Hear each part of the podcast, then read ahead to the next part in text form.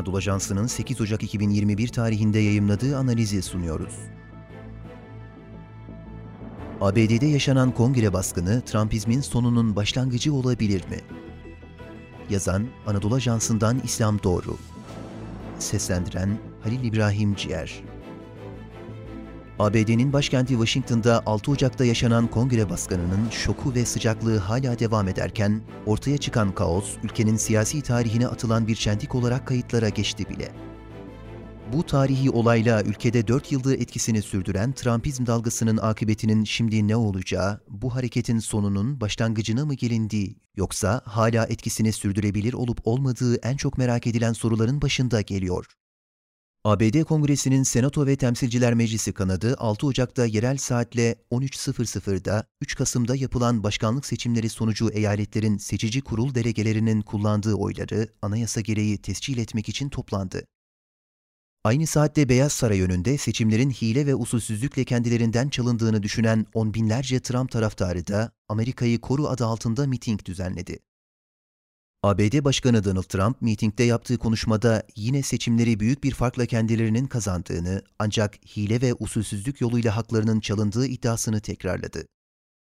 Destekçilerinden kongreye yürümelerini ve delege oylarının tescil edileceği oturumda kendi söylemlerine destek veren Cumhuriyetçi Partili kongre üyelerine cesaret vermelerini istedi.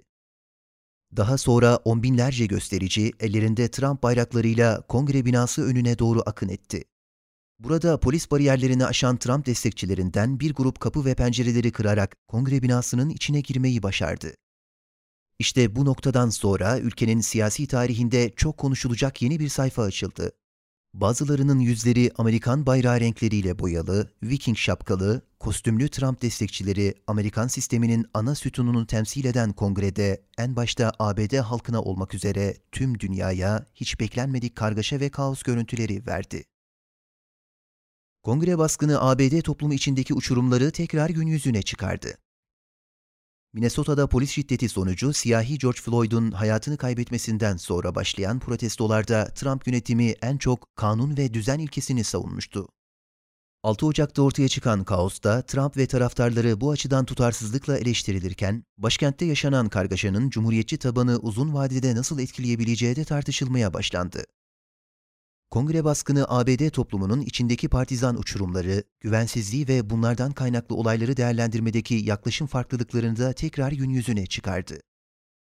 Ülkedeki cumhuriyetçi kanat ve aşırı sağ kesimler kongre baskınını vatandaşların kendilerinin temsil edildiği bir binaya usulsüzlük yapıldığına inandıkları seçimlere tepkisini göstermek için girdiği şeklinde tanımlarken, gösterilen tepkileri de aşırı ve solcu sahte medyanın abartısı olarak gördü. Günün sonunda kongre baskını şimdilik demokratların eline koz vererek daha geniş bir manevra alanı açmış görünse de ülkede Trumpizmle iyice kemikleşen siyasi kamplaşma, Biden'ın iktidarında aşması gereken ana sorunlardan biri olarak bekliyor.